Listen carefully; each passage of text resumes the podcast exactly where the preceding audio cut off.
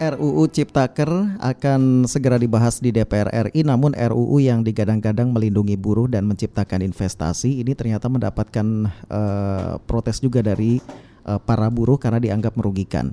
DPR dan pemerintah juga kabarnya memberikan kesempatan kepada masyarakat untuk ikut membahasnya. Bahkan Presiden juga mempersilahkan masyarakat untuk memberikan masukan asalkan sudah membahas draft RUU-nya.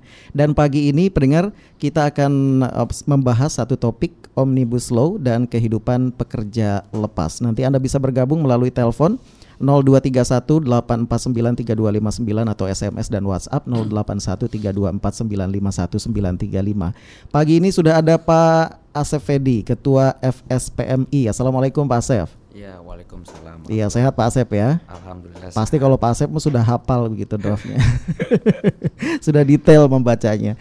Kemudian juga ada Pak Dadan Subandi, kasih hubungan industrial di Snaker Trans Kabupaten Cirebon. Assalamualaikum Pak Dadan. Waalaikumsalam warahmatullahi wabarakatuh. Iya, sehat ya Pak ya. Alhamdulillah. Alhamdulillah. Sehat Kemudian juga ada Pak Bambang Medifit SH ini sudah uh, sering di RRI Pak. Banyak yang hafal gitu dari L LBKH FHUGJ dan juga praktisi hukum Universitas Gunung Jati Cirebon. Assalamualaikum Pak Bambang. Waalaikumsalam warahmatullah. Enggak ada kelas ngajar pagi ini, enggak ada ya? Enggak ada hujan. Oke, sekali lagi pendengar untuk Anda yang ingin gabung, sekali lagi nanti bisa melalui telepon 02318493259 atau SMS dan WhatsApp 081324951935. Dibuatnya Omnibus Law adalah untuk menciptakan, memudahkan para investor datang ke Indonesia dan menginvestasikan modalnya. Tapi dengan adanya RUU KUHP ini dianggap merugikan uh, para buruh. Saya ke Pak Asep dulu. Di bagian mananya Pak? Bapak pasti sudah sudah membaca draftnya detail. Silakan Pak Asep. Uh, begini Mas, uh, pertama kita memberikan pengertian Omnibus Law. Mm -hmm. Omnibus Law ini uh, apa ya uh, kalau bagi kita buruh ini teman-teman buruh mm-hmm. kita semua satu semua aturan dijadikan satu yeah. ya kan? mm. ternyata kalau kita bicara baca detailnya ini naskah akademik RUU ini kan berlembar-lembar ini. Hmm. ada berapa? Rim? 1028 Seribu, eh berapa? Tujuh rim kalau nggak salah tiga ribu total itu kalau nggak salah nggak paperless jadinya ya Artinya kita uh, coba bila di antaranya adalah kita membandingkan antara Undang-Undang Ketenagakerjaan, artinya Undang-Undang 13 tahun 2003 hmm. dengan Undang-Undang dengan RUU Cipta Kerja yang dulunya ini Cilaka, Cilaka. Cipta Lapangan Kerja. Saat ini berubah menjadi UU RUU Cipta Kerja yang saat ini sudah masuk draftnya di DPR RI. Pertama sederhana, di Undang-Undang 13 2003 ini yang sudah ada, kemudian kita bandingkan dengan RUU Cipta Kerja ini ada 31 pasal, 88 ayat dihapus di Undang-Undang 13 ini. Kemudian ada 26 ayat 26 pasal, 75 ayat direvisi. 14 pasal, 33 ayat jadi ditambahan. Itu di RUU Cipta Kerja. Kemudian yang kita eh, timbul polemik adalah pertama terkaitan upah, kedua terkaitan outsourcing, ketiga terkaitan tenaga kerja asing, termasuk jaminan pesangon yang dirubah menjadi jaminan pengangguran apa namanya? Bonus. jaminan kehilangan kerja kalau nggak ya.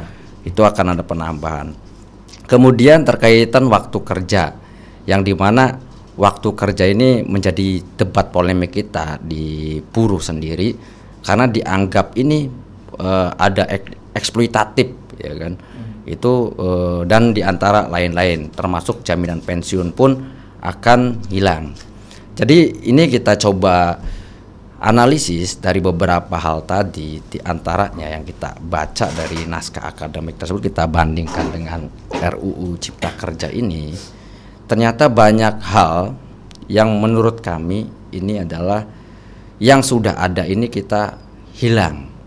Sedangkan pemerintah kita ini dengan lahirnya RUU Cipta Kerja ini adalah bagaimana kita ini meningkatkan investasi. Artinya adalah banyak perusahaan akan lahir di Indonesia. Ya. Namun bila mana yang sudah ada ini ternyata menurut kami adalah ternyata keran PHK itu dibuka lebar. Jadi kalau kita bicara ingin kerja, karena kan e, analisisnya sederhana. Pemerintah ini pengen buka 7 juta lapangan pekerjaan. Karena angkatan kerjanya itu kurang lebih 2 juta lah kalau Indonesia ini nasional ini. Nah, kemudian ketika kita tujuan buat investasi masuk pekerjaan ternyata yang sudah ada saja banyak PHK, apa artinya sebuah omnibus law? Itulah yang menjadi debat polemik kita. Sehingga kami buruh ini menganggap ini di mana e, bagi kita ini jaminan untuk kami para buruh seperti itu kira-kira.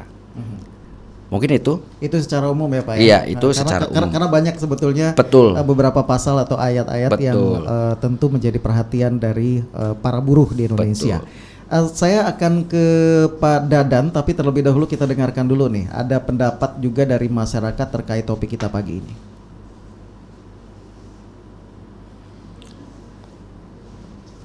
yang paling riskan itu sebenarnya banyak poin ya menjadi tuntutan para teman-teman buruh. Salah satunya itu penerapan upah per jam. Dalam jangka waktu satu hari itu sepekan itu 40 jam akan mendapatkan upah seperti biasa. Tapi bagi buruh dengan jam kerja yang kurang dari 40 jam itu akan mendapat upah di bawah minimum. Yang kedua menghilangkan pesangon. Jadi para buruh nih intinya sih jadi mudah di PHK dalam RUU Omnibus Law Ciptaker ini Terus yang ketiga itu mudah memperdatangkan tenaga kerja asing ya, karena dicari oleh para pengusaha itu ataupun para PT ya, itu yang dicari itu adalah skill dari para buruhnya sehingga mereka membutuhkan para tenaga kerja asing sedangkan tenaga kerja warga lokalnya sendiri banyak di PHK.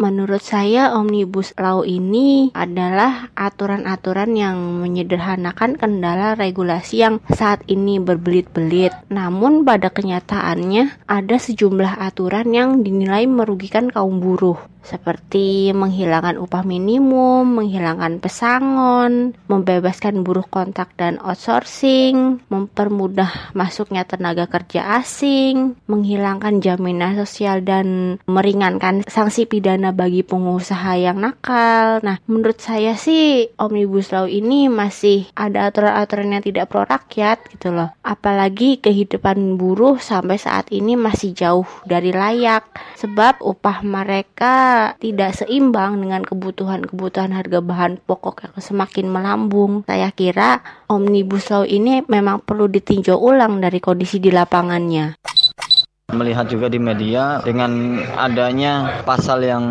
kewenangan presiden dapat merubah undang-undang. Ini menimbulkan kecurigaan publik. Kenapa? Karena ternyata klarifikasi dari tokoh-tokoh pemerintah itu mengatakan bahwa itu salah ketik. Itu baru satu pasal, belum lagi pasal yang lain-lainnya tentang cipta kerja atau perpajakan atau yang lainnya. Jadi apabila memang itu sangat baik untuk bangsa ini, sangat baik untuk masyarakat Indonesia, saya mendukung. Namun apabila ada hal-hal yang mengindikasikan permainan-permainan di belakang nanti, kami sebagai masyarakat sangat menyayangkan adanya omnibus. Pak Dadan, silakan Pak Dadan. Ini bisa dikomentari mungkin apa yang disampaikan oleh Pak Asep tadi, kemudian juga ditambah pendapat dari masyarakat yang mengatakan tidak pro rakyat sebetulnya gitu. Yeah. Sebetulnya maunya apa nih pemerintah gitu kan? Kalau kata buruh gitu, silakan. Oke, terima kasih. Mungkin selamat pagi, semangat pagi mungkin teman-teman buruh hmm. yang mungkin pada hari ini sedang melakukan kegiatannya ya. Mudah-mudahan sambil bekerja lah ini bisa mendengarkan kita di sini kan itu ya. Tadi kita menanggapin apa yang disampaikan Bung Asep kaitan dengan undang-undang Omnibus Law ini kan itu tadi. Kita di sini itu ada sekitar 79 undang-undang yang diverifikasi dan sekitar 1244 pasal. Nah, di sini kaitan dengan penyederhanaan perizinan di sini diatur di 55 undang-undang dengan 77 770 pasal. Di sini tadi persyaratan tentang investasi di 13 undang-undang dengan 24 hmm. pasal dan di sini yang khususnya yang ramai nih yang sedang ramai ini di Kuster Ketenaga Kerjaan ada tiga undang-undang dengan 55 pasal di sini yang diverifikasi kan itu ya. Hmm. Di sini yang digodok dalam undang-undang tersebut itu ada tiga hal yang dibahas yaitu tentang perpajakan, cipta lapangan kerja dan UMKM di sini. Jika hmm. undang-undang tersebut benar-benar disahkan, ini otomatis akan ini ini 74 undang-undang yang berlaku sebelumnya tidak perlu lagi. Hmm. Oke. Okay. Nah ini tadi kaitan dengan hal-hal apa saja yang menjadi kekhawatiran khususnya teman-teman buruh nih hmm. yang menjadi wah ini tidak pro buruhan itu yang selama ini jadi ketenangan bekerja ini dengan adanya undang-undang tersebut menjadi kurang nyaman nanti kaitan tadi dengan upah minimum yang dianggap dihilangkan karena hanya ada upah minimum provinsi kan itu ya. Di sini pemerintah hanya menetapkan upah minimum provinsi. Pada intinya di sini yang kami lihat gitu ya di sini sebenarnya upah upah minimum itu dipastikan tidak akan turunan itu ya.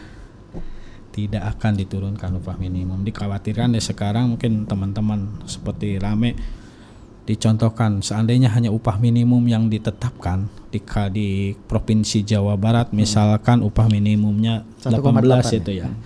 Sedangkan upah minimum Bekasi, Bekasi 4,5 sekian. 4,5. Nah, ini kan bisa saja perusahaan menerapkan upah minimum hmm, terjun bebas dong terjun Pak, bebas gitu nah, pada intinya mungkin nanti kita kontrol di sini upah yang sudah di atas ini tidak tidak di, dipastikan tidak diturunkan nah, itu dan tidak bisa ditangguhkan.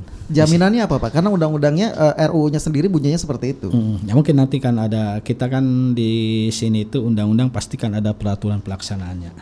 Hmm, nah, okay. nanti mungkin nanti jaminan di peraturan pelaksanaannya karena kemarin waktu pembahasan bahasa seperti itu kekhawatiran itu mudah-mudahan nah kekhawatiran ini upah di undang-undang pun upah tidak boleh diturunkan yang sudah di atas. Okay. Nah di sini mungkin nanti untuk peng, pengaturan upah minimum pun di sini akan tetap kepada pertumbuhan ekonomi dan inflasi di daerah masing-masing. Mm -hmm. Nanti mungkin untuk sistem pengupahan kita akan menggunakan struktur dan skala upah. Oke. Okay. Nah, itu kaitan tadi dengan pesangon mungkin ya. Kan ini perusahaan eh, apa dihilangkannya pesangon. Dihilangkannya di sini khususnya mungkin di ayat ayat 4-nya ya di pasal 156 di sini tentang uang pergantian hak ini dapat. Nah, ini yang dikhawatirkan berarti kan dapat ini pilihan. Oke. Okay. Harus diatur dalam peraturan perusahaan atau perjanjian kerja bersama. Nah, di sini mungkin kekhawatiran dari buruh ini yang tadinya minimal menjadi maksimal. Ya. Nah itu kan tadi di di sini masa kerja bisa sampai dengan 24 tahun hmm. untuk masa kerja. Mungkin di undang-undang sekarang ini, undang-undang cipta lapangan kerja ini undang-undang tadi disampaikan bahwa sampai dengan 21 Nah okay. itu untuk penghargaan. Pesangan, jadi jadi tet intinya tetap menunggu aturan-aturan turunannya. Kan? Nah, berarti masih belum jelas ya pak ya? Belum jelas. Ini pun ini, ini pun baru rancangan yang namanya tadi disampaikan ya namanya rancangan hmm. ke Pak Presiden juga mak makanya ada silahkan kalau merasa di sini ada hmm. ini kami masih menerima masukan-masukan okay. seperti apa yang namanya ini baru rancangan. Nah rancangan di sini ya tadi dengan adanya tim yang mudah-mudahan di sini undang-undang dengan tim yang dibuat oleh Kementerian Ketenagakerjaan ini okay. bisa membahas yang tadi yang pro rakyat lah pro buruhan itu. Baik, itu itu nah. yang berkaitan dengan gaji ya Pak ya. Hmm. Sistem penggajian seperti itu hmm. jawaban dari Bapak. Kemudian seperti apa juga yang menjadi kekhawatiran para buruh di Indonesia terkait perubahan jam kerja, Pak. Kemudian juga belum lagi terkait PHK. Kalau PHK itu kan uh, kalau di Undang-Undang Ketenagakerjaan yang tahun 2003 nomor 13 itu dianggap mungkin masih karena menyertakan apa namanya pemerintah dan juga serikat buruh hmm. begitu. Nah, sementara di RUU ini juga seperti tidak dilibatkan. Itu seperti apa, Pak? Nah, di sini tadi ya kaitan dengan upah. Ada kekhawatiran ada upah per jam nih. Di hmm. sini upah 40 jam ya, seminggu betul. atau uh, di sini 8 jam sehari. Nah, hmm. kalau dulu kan ada dan atau wan itu ya bisa tujuh hari. Nah di sini kan gimana sih kalau upah yang tidak mencapai 40 jam sehari apa semingguan mm -hmm. itu apakah di sini Berarti di bawah upah minimum dong gitu nah, ya. itu kan kekhawatiran itu tadi kalau di sini di bawah 40 jam pasti nah. hitungan seperti itu. Tapi di sini pengertian upah per jam ini bukan untuk semua tenaga kerja. Di sini misalkan hanya untuk untuk jasa konsultan, di sini yang freelance. Nah, ini.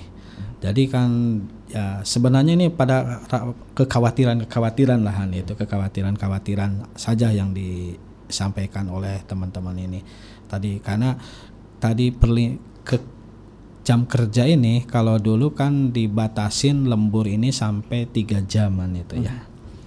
Hmm. Uh, jam ya.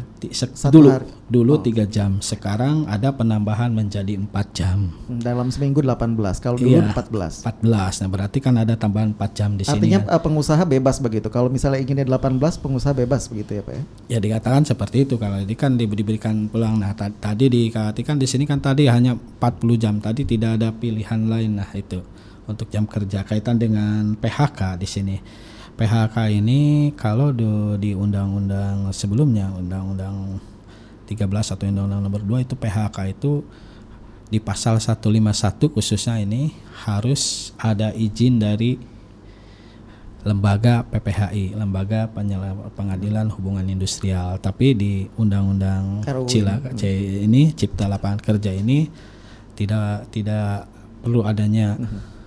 izin. Nah, itu dikhawatirkan kesepakatan ya mungkin di sini di sini permasalahan ini kalau kita lihat permasalahan oh cukup di pasal 151 khususnya ayat 2 itu tadi kan kalau tanpa izin atau tanpa penetapan dari pengadilan ini masih dianggap batal demi hukum. Nah ini dikhawatirkan ini tadi Bung Asep mengatakan ini PHK akan terus jalan. Nah, jalan jalan terus itu. Kalau kalau begitu yang ditakutkan oleh para buruh adalah apalagi tidak menyertakan serikat buruh dan juga pemerintah begitu untuk hmm. PHK ini akhirnya bebas begitu. Betul. Nah, Pengusaha itu. bebas untuk uh, memecat atau mem-PHK buruh. Nah, itu kan hak hak perusahaan. Jadi da, tadi tidak tidak ada tidak di ada batasan-batasan tadi. Kalau tapi kalau ke, kemarin itu kan boleh diizinkan itu setelah perundingan gagal. Perundingan ya. gagal baru mengajukan izin. Nah, itu tidak langsung sekarang oh izin apa PHK, tapi harus ada ini ini dulu gagal dalam perundingan. Mm-hmm. Nah itu okay. kaitan kaitan PHK termasuk kompensasinya mungkin di sini kompensasinya ada beberapa yang hilang dan ada beberapa yang berkurang.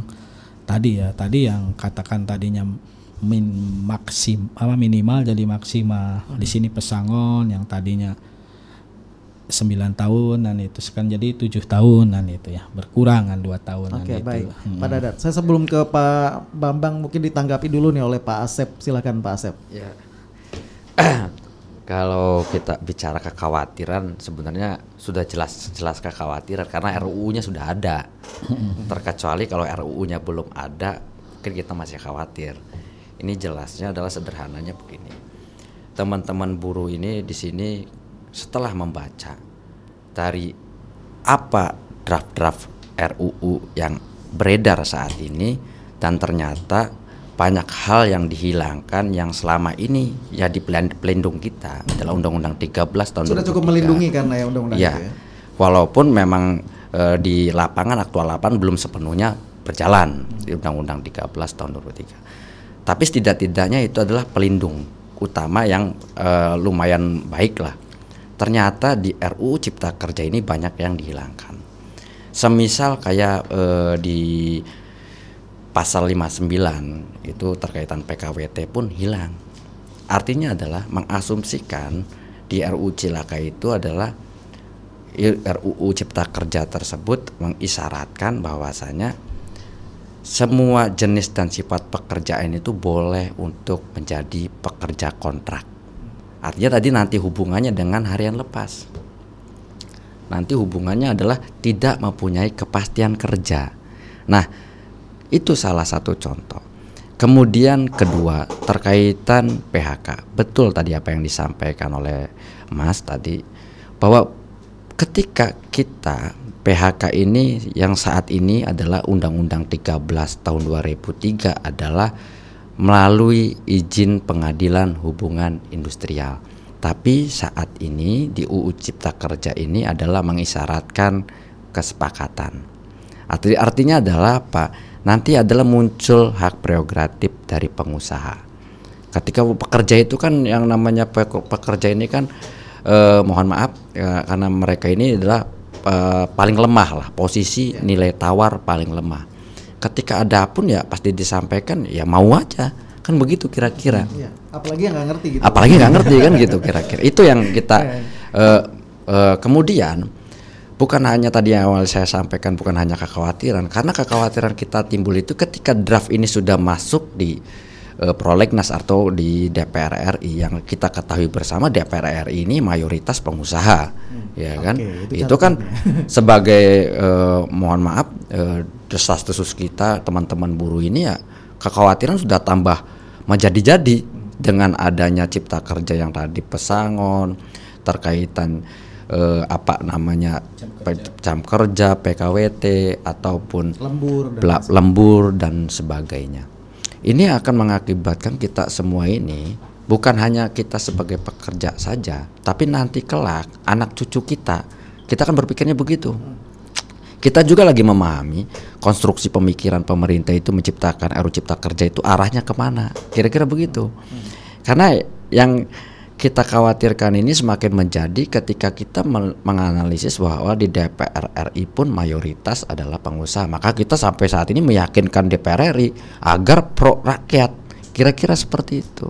Karena tadi yang disampaikan kita sudah jelas disampaikan oleh Pak Dadan bahwasanya kita di sini membandingkan antara Undang-Undang 13 tahun 2003 dengan Cipta Kerja.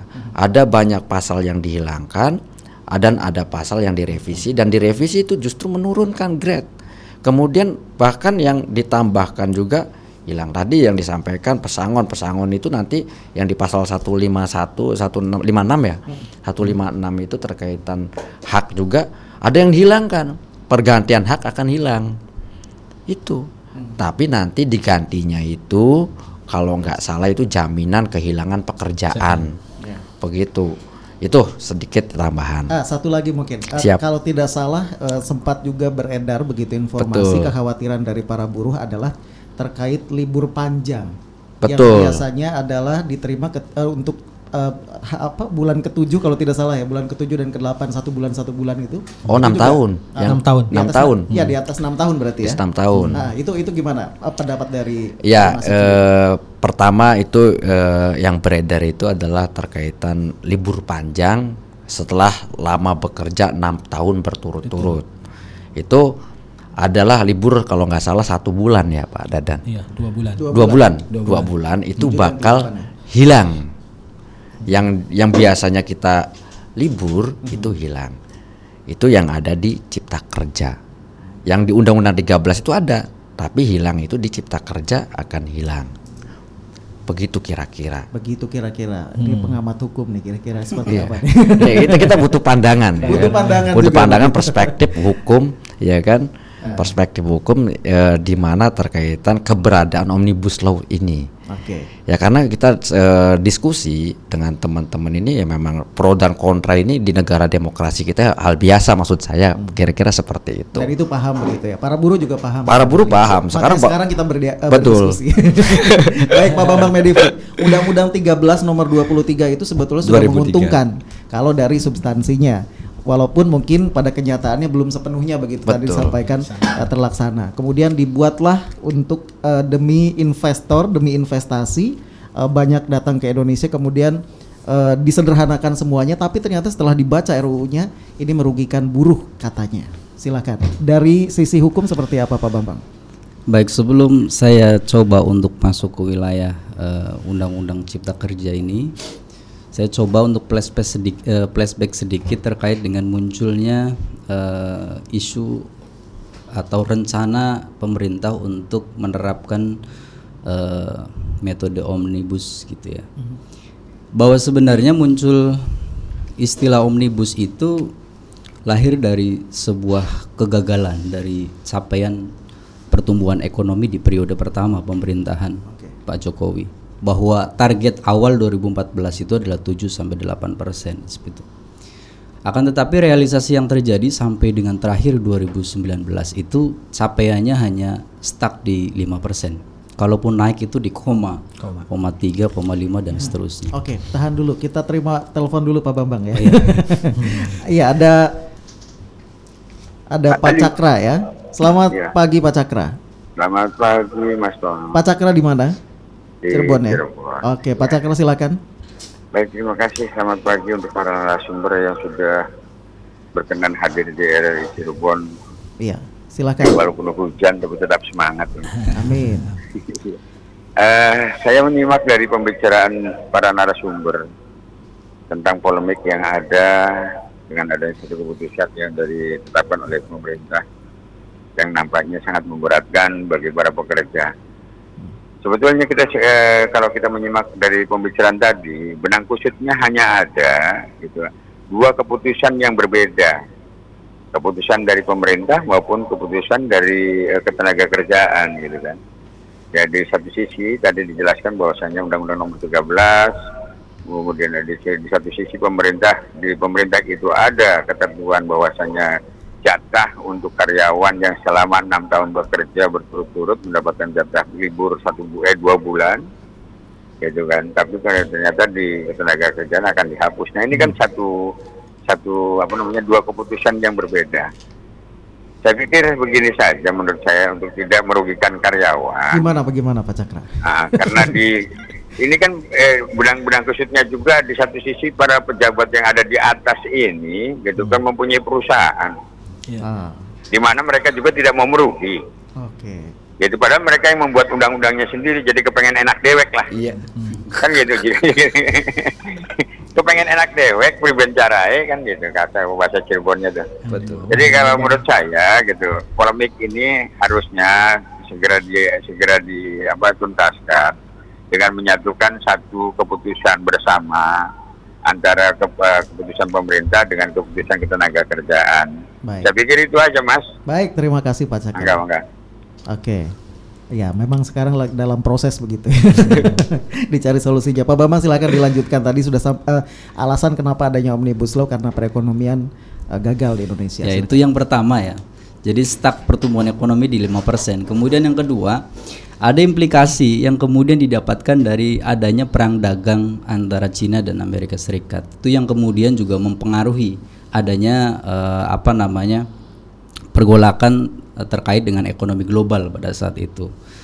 Nah, akhir atau ending dari perang dagang itu antara Amerika dengan Cina di perusahaan uh, perusahaan Cina yang ada di Amerika ataupun sebaliknya itu mempertimbangkan untuk migrasi. Dan ternyata migrasi atau tempat destinasi mereka itu adalah di wilayah Asia tetangga negara kita seperti uh, Thailand, Filipina, Vietnam begitu. Itu menjadi destinasi baru bagi uh, perusahaan-perusahaan Cina ataupun perusahaan-perusahaan Amerika terkait dengan uh, akibat dari uh, perang dagang tersebut.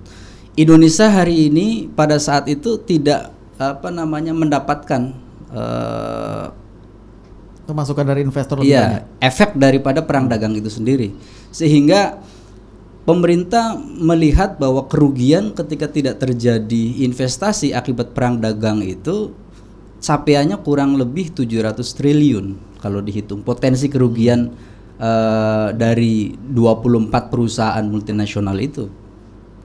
Dari situ kemudian pemerintah uh, berpikir keras yang pada akhirnya mereka memikirkan perlu adanya perombakan regulasi besar-besaran. Di situlah kemudian muncul uh, apa namanya wacana omnibus seperti itu.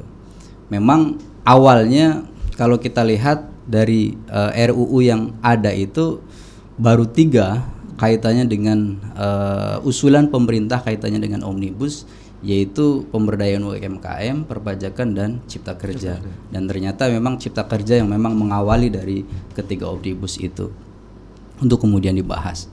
Nah, masuk pada persoalan omnibus cipta kerja, di situ tadi sudah disampaikan kaitannya dengan uh, eh, 1028 halaman, kemudian uh, merevisi kurang lebih 79 aturan yang ada itu terdiri dari undang-undang, kemudian PP, kemudian Perpres, uh, Pergub, Perda dan lain sebagainya. Kalau kita lihat bahwa uh, negara kita diakui ataupun tidak kurang lebih sudah memberlakukan peraturan yang berlaku sampai dengan hari ini kurang lebih berjumlah 42 ribu aturan. Itu dari mulai undang-undang sampai kemudian ke, eh, ke tingkat perda. Ternyata dari 42 ribu itu masih banyak peraturan antara yang satu dengan yang lainnya mengalami tumpang tindih. Ya, tumpang tindih. Sehingga kemudian ini uh, oleh pemerintah melihat bahwa persoalan tumpang tindih, persoalan uh, apa namanya kepentingan persoalan aturan-aturan yang sudah ada ini menghambat jalannya investasi. Yang kemudian ini juga yang akhirnya uh, memantapkan pemerintah untuk ini harus kita buat peraturan yang kira-kira investor melihat itu tidak terlalu ribet, tidak terlalu berbelit-belit yang pada akhirnya mereka masuk. Karena tumpang tindih. Karena tumpang tindih. Kemudian aturan-aturan juga tidak bisa memberikan kemudahan berusaha bagi para investor. Itu yang kemudian memaksakan pemerintah untuk oke, okay, kita bikin aturan yang kira-kira bisa menyederhanakan sekian banyak aturan. Kalau kita lihat visi misi yang saya dengar pada saat 20 uh, eh, Oktober ya, ketika pidato pertama di periode yang kedua itu bahwa omnibus itu sebenarnya tujuannya adalah bagaimana mensinkronisasi dan harmonisasi sebenarnya, bukan kemudian menghapus secara hmm. uh, total ya. Itu tadi juga sudah disebutkan oleh Pak Asep, Pak ya? Asep ya? ada berapa yang dihapus, berapa yang direvisi. Uh, bagi kita sebagai orang hukum melihat ada beberapa uh, inkonsistensi daripada pemerintah pada persoalan pembuatan uh, eh, RUU Omnibus ini. Satu saja yang ingin saya kritisi adalah persoalan karena memang hubungannya dengan waktu juga tidak lama kita diskusinya di sini. Di ketentuan uh, pasal 170 gitu ya, di ayat 1, 2 dan 3 itu jelas itu merusak sistem atau tatanan sistem hukum di Indonesia. Kalau kita baca di ayat 1, 2 dan 3 pada intinya di uh, pasal itu adalah bahwa pemerintah itu dapat untuk uh, merubah ya undang isi ketentuan yang ada di omnibus dengan mengeluarkan peraturan pemerintah. Nah, ketentuan tersebut kalau kita lihat kemudian kita hadapkan dengan Undang-Undang Nomor 15 Tahun 2019 tentang hierarkis perundang-undangan, itu jelas itu tidak boleh peraturan yang lebih bawah itu menabrak peraturan yang lebih atas. Kalau kita lihat di pasal 7 uh, Undang-Undang 15 2019 itu bahwa secara hierarkis itu ada Undang-Undang uh, Dasar 45, TAP MPR, Undang-Undang, Peraturan Pemerintah, Peraturan Presiden, baru Perda. Baru. Nah, di sini undang-undang itu adalah di atas peraturan pemerintah.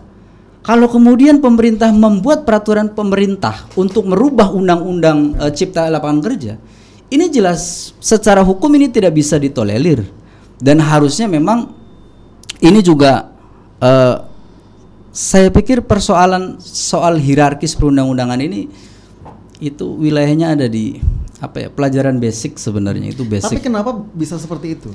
Ya itu yang ya, yang merumuskan RUU kan bukan orang sembarangan gitu. ya saya pikir mungkin karena begitu banyak ribuan pasal juga ternyata menghapuskan 79 aturan ini juga bukan sesuatu yang mudah ya, seperti salah itu. Ketik. salah ketik. Ya satu mungkin itu. Pada gitu ya.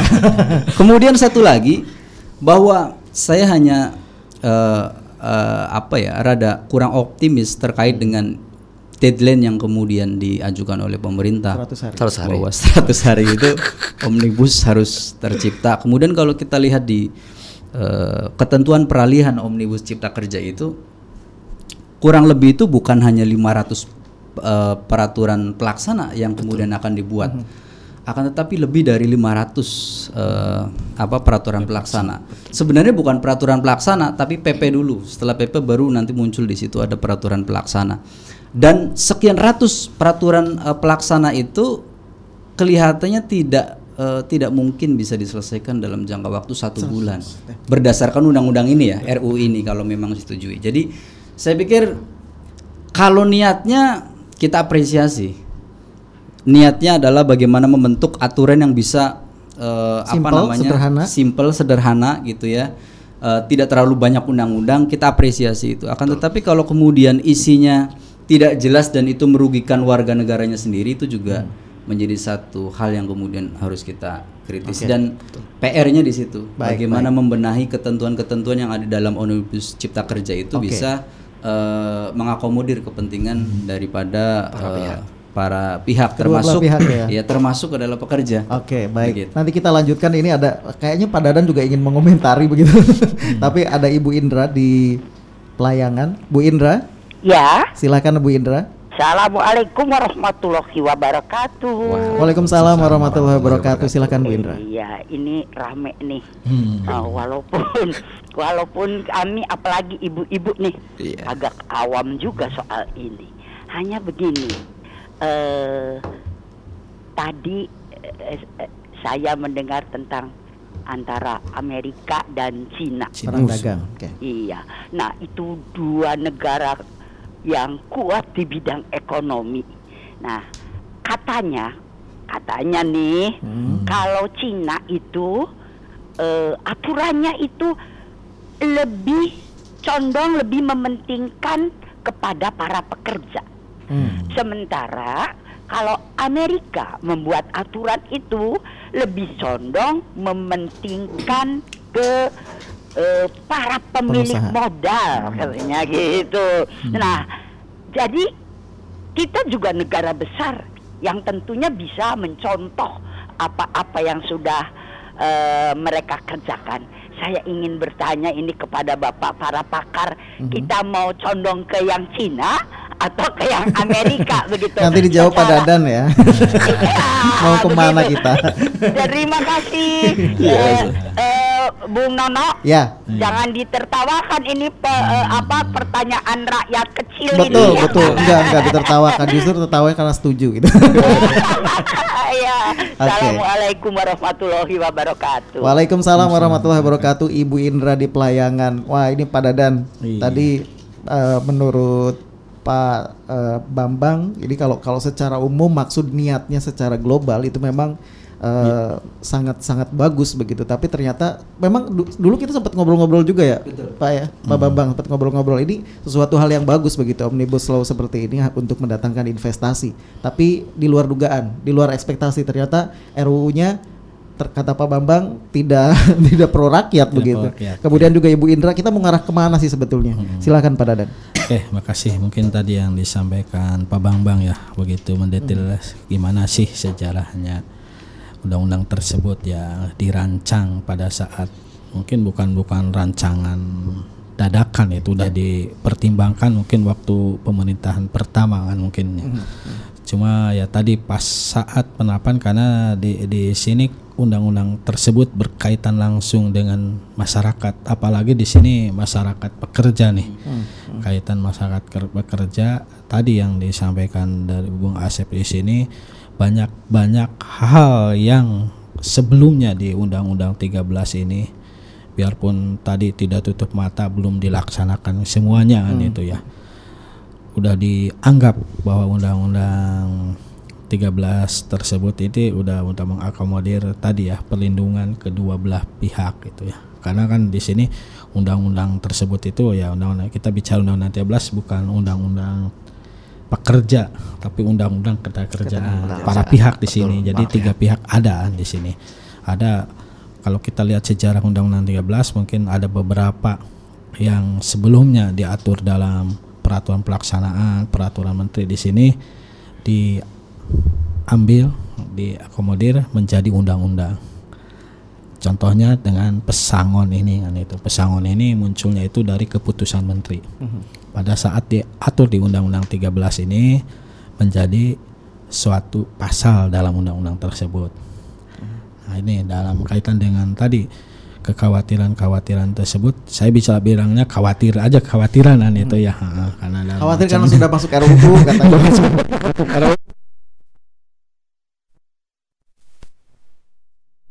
Karena di sini tim ini udah tiga kali melakukan mhm. per ini ya apa perundingan di sini. Okay. Terakhir ini kemarin tanggal 11 Februari pada tanggal 11 Februari ini lahir RUU ini. Mhm.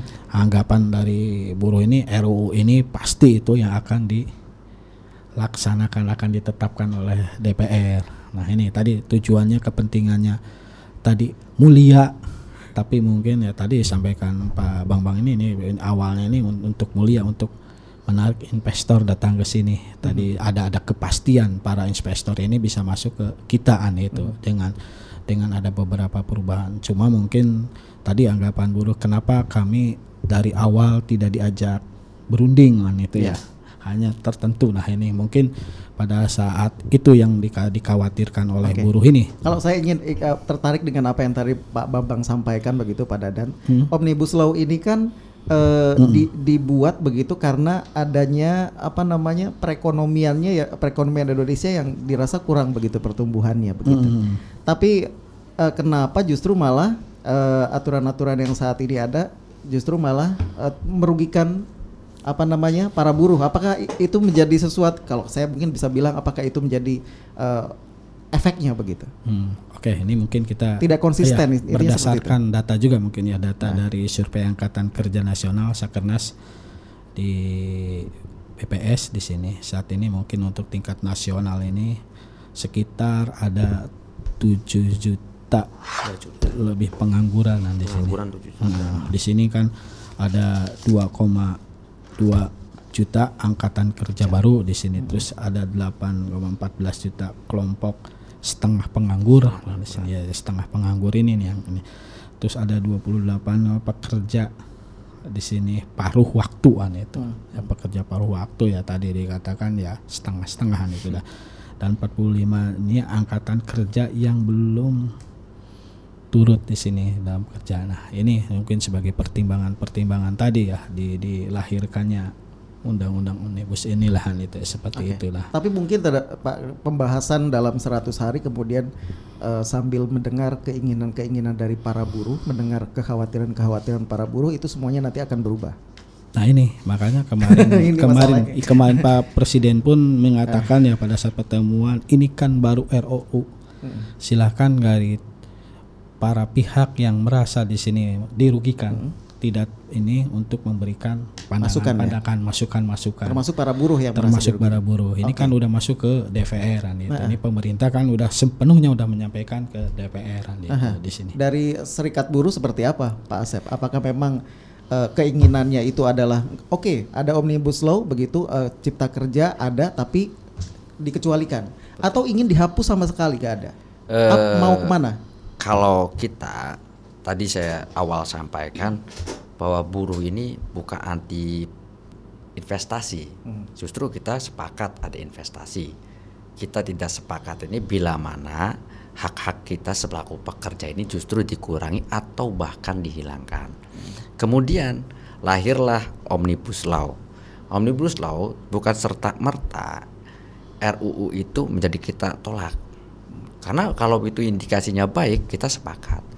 Karena berhubung berhubung situasional, kondisional yang sampai saat ini yang terjadi di eh, sekarang tanggal berapa? Tanggal 23 24 sampai tanggal 24 yang dari tanggal 12 ini masuk RUU di eh, DPR RI yang kita tahu sendiri kekhawatiran kita pun di DPR RI ini. Maka kita pun melakukan beberapa upaya. Di antaranya adalah meyakinkan DPR RI, meyakinkan DPR RI karena DPR RI yang punya hak untuk menolak ketika RUU itu adalah tidak baik atau tidak pro rakyat.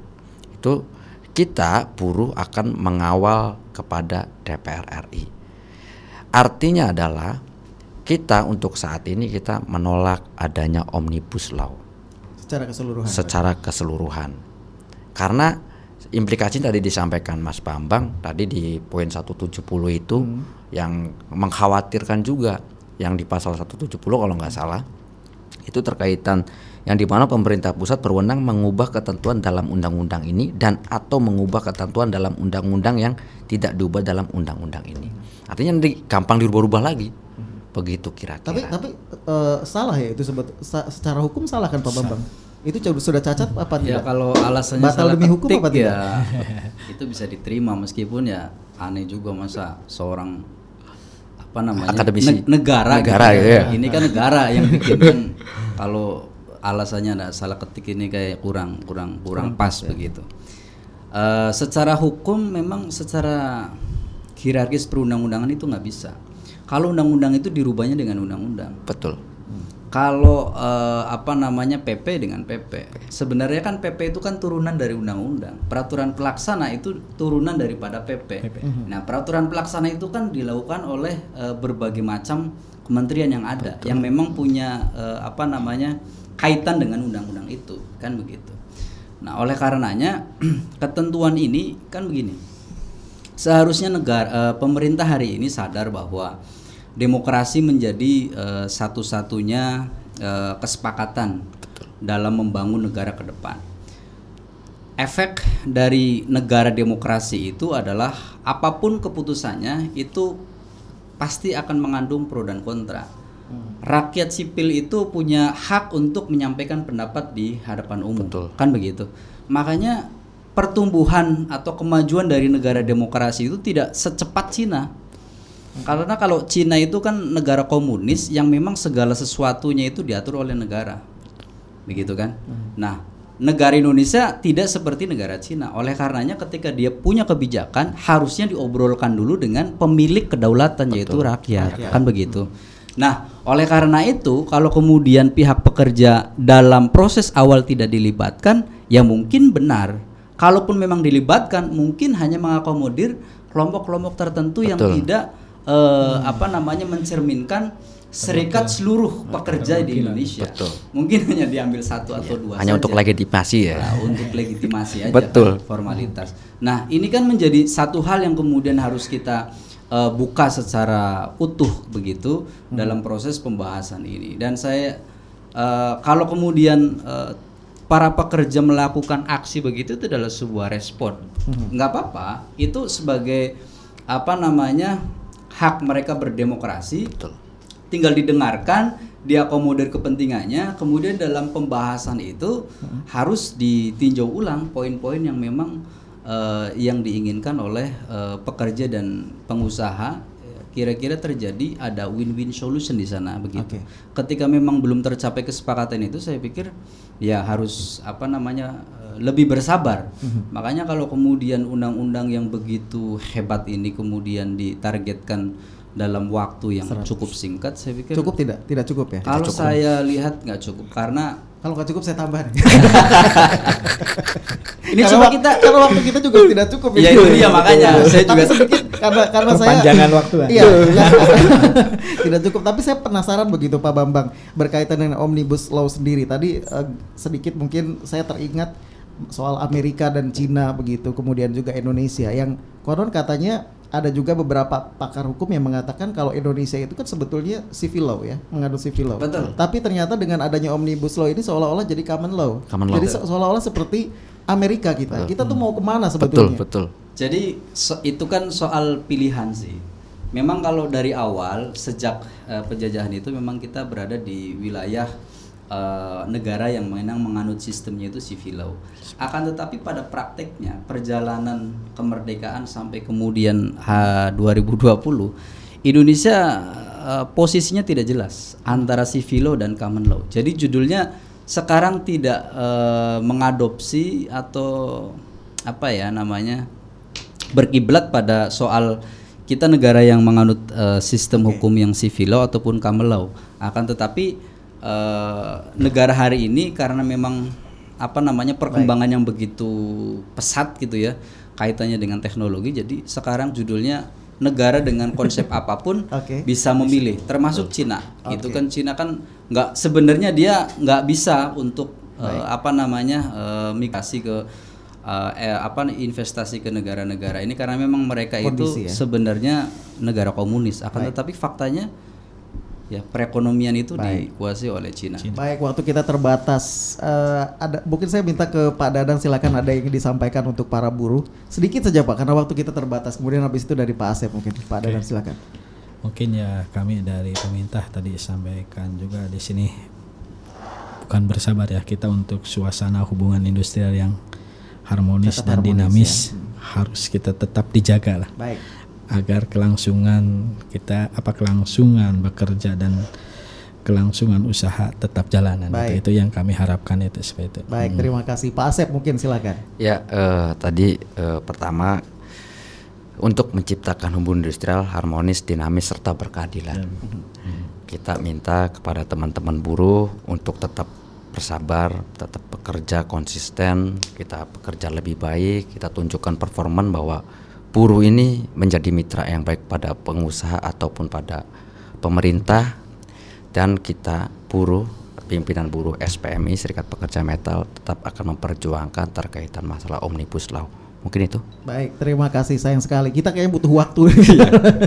Sayang sekali sebentar. Terima kasih untuk uh, narasumber yang sudah hadir Pak Bambang Medivit Esa dari uh, Fakultas Hukum uh, eh, UGJ, kemudian Pak Dadan Subandi juga kasih hubungan industrial di Snaker Trans Kabupaten Cirebon. Terima kasih juga Pak Asef Fedi Ketua Siap. FSPMI Federasi Serikat Pekerja Metal Indonesia. Dan terkait pasal 170, saya juga sempat baca katanya uh, Ombudsman juga akan memanggil uh, apa perwakilan dari hmm. pemerintah untuk menanyakan persoalan tersebut.